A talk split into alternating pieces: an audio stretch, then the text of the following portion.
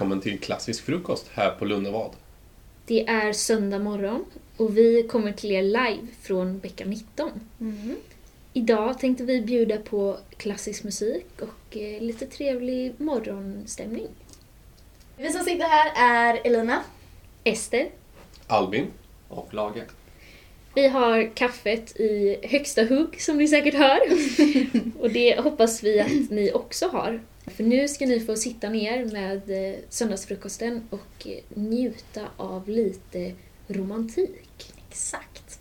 Vi tänkte djupdyka i eh, den romantiska repertoaren som sträcker sig från tidigt 1800-tal till tidigt 1900-tal. Först ut ska ni få lyssna på Furuskogen, skriven av Wilhelm Pettersson Berger 1893. Pettersson Berger är ju en av våra, då, Sveriges, mm, kanske mest framstående kompositörer under romantiken. När det gäller främst klassiska körstycken och just romanser. Ja, han har skrivit mycket och bred repertoar och framförallt många stycken som har hamnat som såna här svenska örhängen, riktiga Klassiker. nationalromantiska klassiker. Furuskogen, en av dem. En jättetrevlig liten vårvisa. Mm. Det är väl perfekt att börja morgonen så. Det är en renhet i din luft, en trolldom i den milda doft som Det är en renhet i din luft.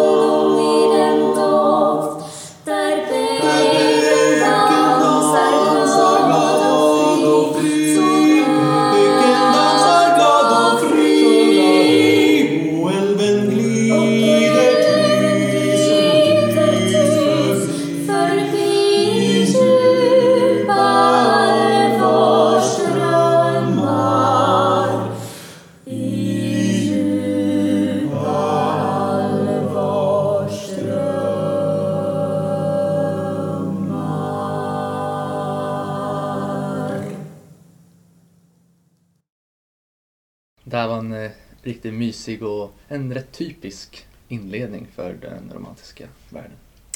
Ja, och romantiken präglas ju framförallt av tre stora teman. Eh, Det är natur, kärlek och känslor. Och det är någonting som vi ser Till exempel i Furuskogen där Exakt. berör framförallt just naturen. Då.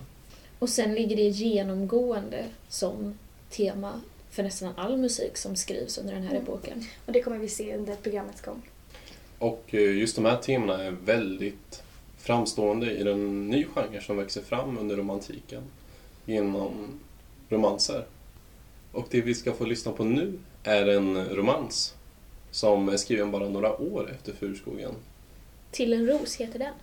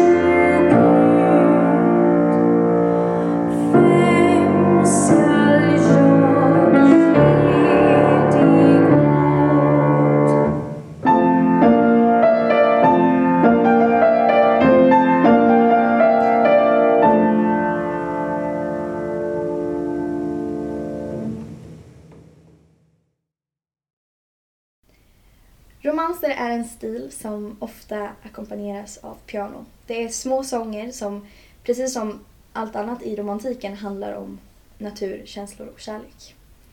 Det är oftast, eller nästan alltid, tonsatta dikter. Mm. Och det hörs för att det är alltid texten som ligger i fokus och det är den man har utgått ifrån när man har skrivit musiken. Men varför heter det romanser?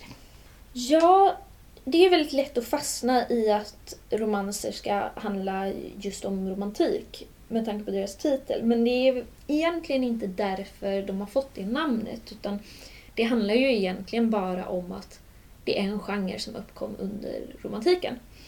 Och de behöver inte nödvändigtvis handla om romantik eller romans. På tyska kan man tänka att det heter lider, har ingenting med romantik att göra. Och det är ju där genren uppkom. Och det kan vara väldigt intressant att ha det i åtanke när man lyssnar på musiken för att från början var det ju salongsmusik. Så det var enklare små stycken som skulle framföras av amatörmusiker. Oftast så var det ju då två unga flickor som skulle spela i hemmet, helt enkelt. Det kan man höra på tidiga romanser, att det är enklare pianostämmor och eh, enklare sångstämmor. Och sen så växer romanser som genre i popularitet. Helt plötsligt då så kan kompositörerna börja ta lite friheter. Och det hör man också allt eftersom genren utvecklas. Att vi får mer komplicerade pianostämmor, de frigörs från sången och även sångstämmorna blir avancerad sång istället för någonting som var tänkt att vem som helst skulle kunna framföra i sin egen kammare. Så det kan man ha med sig när man lyssnar på just romanser, den här historien och utvecklingen av genren. Men vi kanske ska djupdyka lite mer i det senare i programmet. Ja, det tycker jag att vi gör.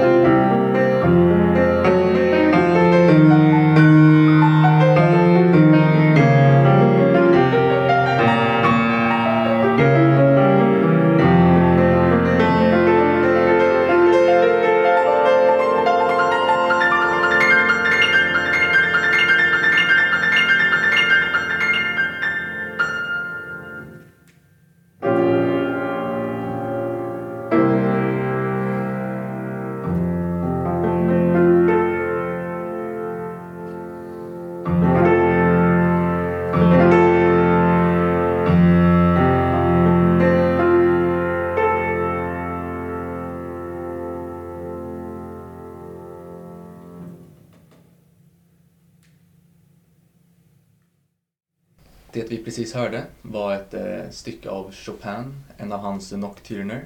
Denna skriven i F-moll.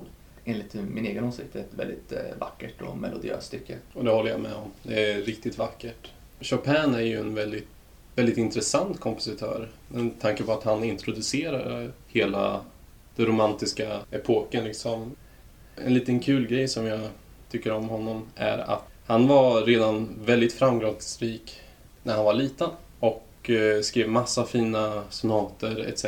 Som då en annan kompositör med namn Franz Liszt framförde framför honom. Och han kunde jag visst läsa allt det där utan till och innan till och eh, då blev ju Chopin blev ju samtidigt lite sur men också extremt imponerad av det här. Så då bestämde han sig för att men nu är det ju dags. Jag måste skriva något lite svårare så man kan få upp tekniken. Så då skrev han Opus 10, eh, etyderna, och eh, dedikerade den till hans kompis då, Franz Liszt, som var också två år yngre än honom. Det är rätt imponerande. Det Så blir det här lite rivalitet där kan man Ja men tänka sig. precis, Ja. ja. det blir Är det, är det tekniskt sett en, en, en utmaning pianister emellan? Ja, det kan man säga. Det är den form av utmaning pianister däremellan. Men ja. Eh, hur som helst, då skrev han 12 etyder då och dedikerade dem till Franz Liszt. En Och- eh, riktigt svår radda liksom. Ja, riktigt svåra och eh, väldigt nya tekniker som man aldrig hade testat på piano innan. Och eh, nu ska ni få höra en av de etyderna, nämligen etyd 3. Som eh, många anser eh, vara en av de vackraste och största etyderna bland eh, Chopins alla 24 etyder. Och eh, den etyden som ni ska få höra brukar gå i folkmun som tristess. Men Chopin har ju aldrig namngett några av sina verk utan de heter ju Opus 10 eh, nummer 3 som den ni ska få höra nu. Framförde Liszt någonsin etyderna som var tillägnade honom? Antar det? jag har faktiskt aldrig kollat upp det, jag bara antog att han har spelat det. Spännande. Etyd nummer 3. kommer här.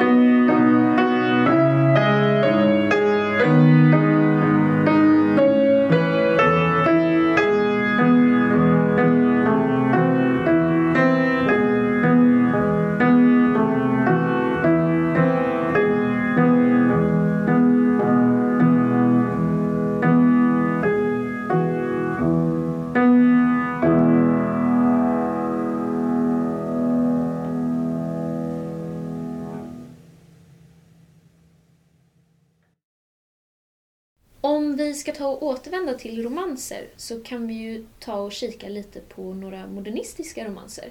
Ja, nu går man alltså från att romanser bara är sånger under romantiken till att det faktiskt blir en etablerad genre. Och det skrivs ganska mycket nytt där texten får vara fokus. Och genren lever kvar efter romantiken och in i modernismen. Det vi ska lyssna på nu är Bolindes Äppelträd och päronträd. Den är skriven på 1960-talet. Och efter det lyssnar vi till Flickan under nymånen, skriven 1924 av Ture Rangström.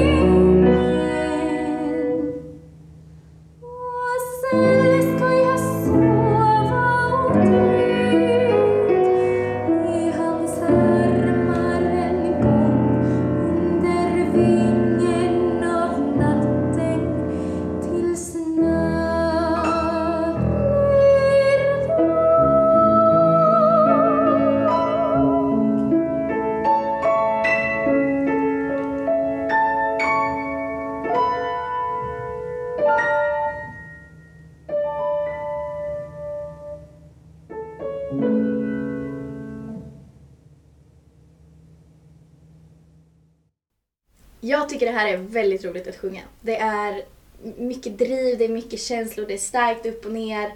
Det händer mycket och jag tycker att det är väldigt kul att sjunga så här modernt. Ja, alltså det är ju underbart. Det är ju dock en enorm utmaning. ja. Om man jämför med några av de tidigare styckena vi har haft med här så blir det ju något helt annat. Det här är ju röstgymnastik vissa gånger. det är stora hopp, det är konstig tonalitet och hela tiden då så ska man ha samtidigt det här drivet i texten. Att texten måste fram. Ja. Eh, hur, hur är det här att spela som pianist? Det är ju verkligen på samma sätt som ni beskriver det, att det är ju en utmaning att spela de här styckena. Eh, det är stora hopp, bland annat, som kommer från ingenstans. Man ska snabbt hoppa ut från diskantens register till basen i pianot. Och då har ju pianisten den delen att man måste flytta hela armarna ner till basen.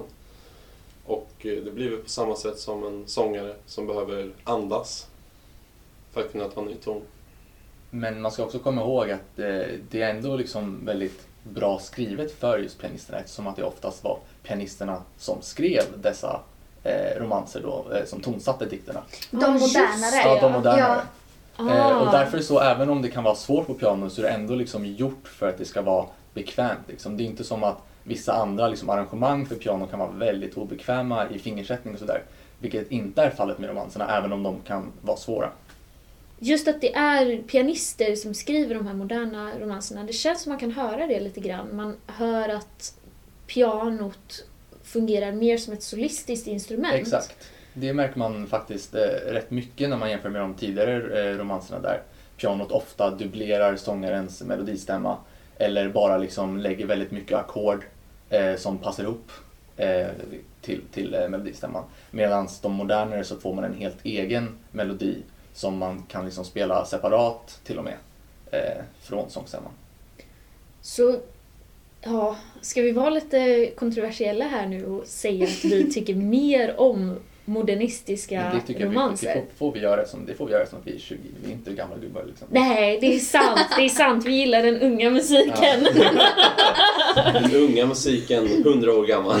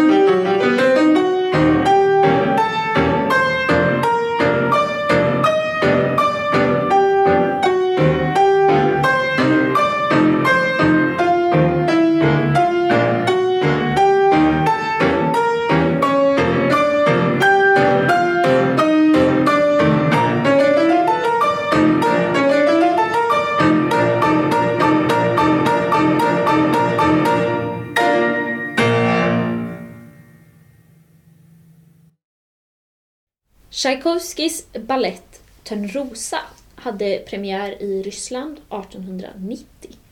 Och eh, den gick direkt in i historien eh, som en riktig klassiker. Har jättemånga vackra melodier och sådana där melodier som man verkligen känner igen.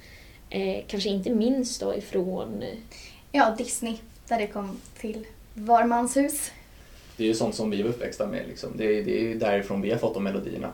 Och ja, det här uh, verket och hans andra ballett eh, spreds ju över hela världen som en löpeld. Och det en, av, en av hans många beundrare var ju den andra, eh, eller en annan kompositör, nämligen Rachmaninov. Och han eh, skrev ett arrangemang för eh, piano, fyrhändigt, eh, för en av de mer eh, ja, melodiösa melodierna, så att säga. Det var det vi precis lyssnade på alltså. Mm, Mhm. Exakt. Ja, vilket stycke va? ja. Det går fort och det är stort omfång, det är oh så mycket känsla. Och riktigt kraftigt. Riktigt Starkt. kraftigt. Väldigt starkt. För oss som eh, kanske inte har så tränade pianoöron så, så kan man väl ändå tycka att det låter Ryssland och det låter sådär ruskigt tekniskt skickligt. Hur, hur är det egentligen att spela ett sånt här stycke? Att spela Rachmaninov, vad behöver man tänka på då? Man skulle ju kunna eh, se det ur perspektiv att, eh, Rachmaninoff hade ju enorma händer. Så man, man måste ju alltid ta hans eh, liksom, arrangemang med en liten nypa salt och tänka att alla de här noterna var inte meningen för vanliga människor att kunna spelas. Eh, man får ändå göra sitt bästa liksom. Eh, och just i det här fallet då så är det ju då ett fyrhändigt stycke och då så får ju faktiskt inte, jag tror inte att riktigt fyra av hans händer får nog inte riktigt plats på pianot. Så att- Nej, de är så de stora är alltså. nästan så Vad är det stora. för det, det är avstånd? typ så här, han, han kan ju ta mer än en och en halv oktav med en hand och är då inte bara oktav eller som en och en halv, två toner utan det är lite ackord däremellan också. Oj, oj, Eh, oj. så, att, så att som tur var så kunde ju vi nå alla, alla toner som ska. Eh, och det enda man behöver egentligen tänka på genom hela stycket är ju då balansen som, som i alla fyrhändiga stycken egentligen. Otroligt vackert. Nog om Rachmaninovs långa fingrar. Eh, vi kan väl gå vidare till våran sista romans. Det blir vackert där du går av Gunnar de Frumri.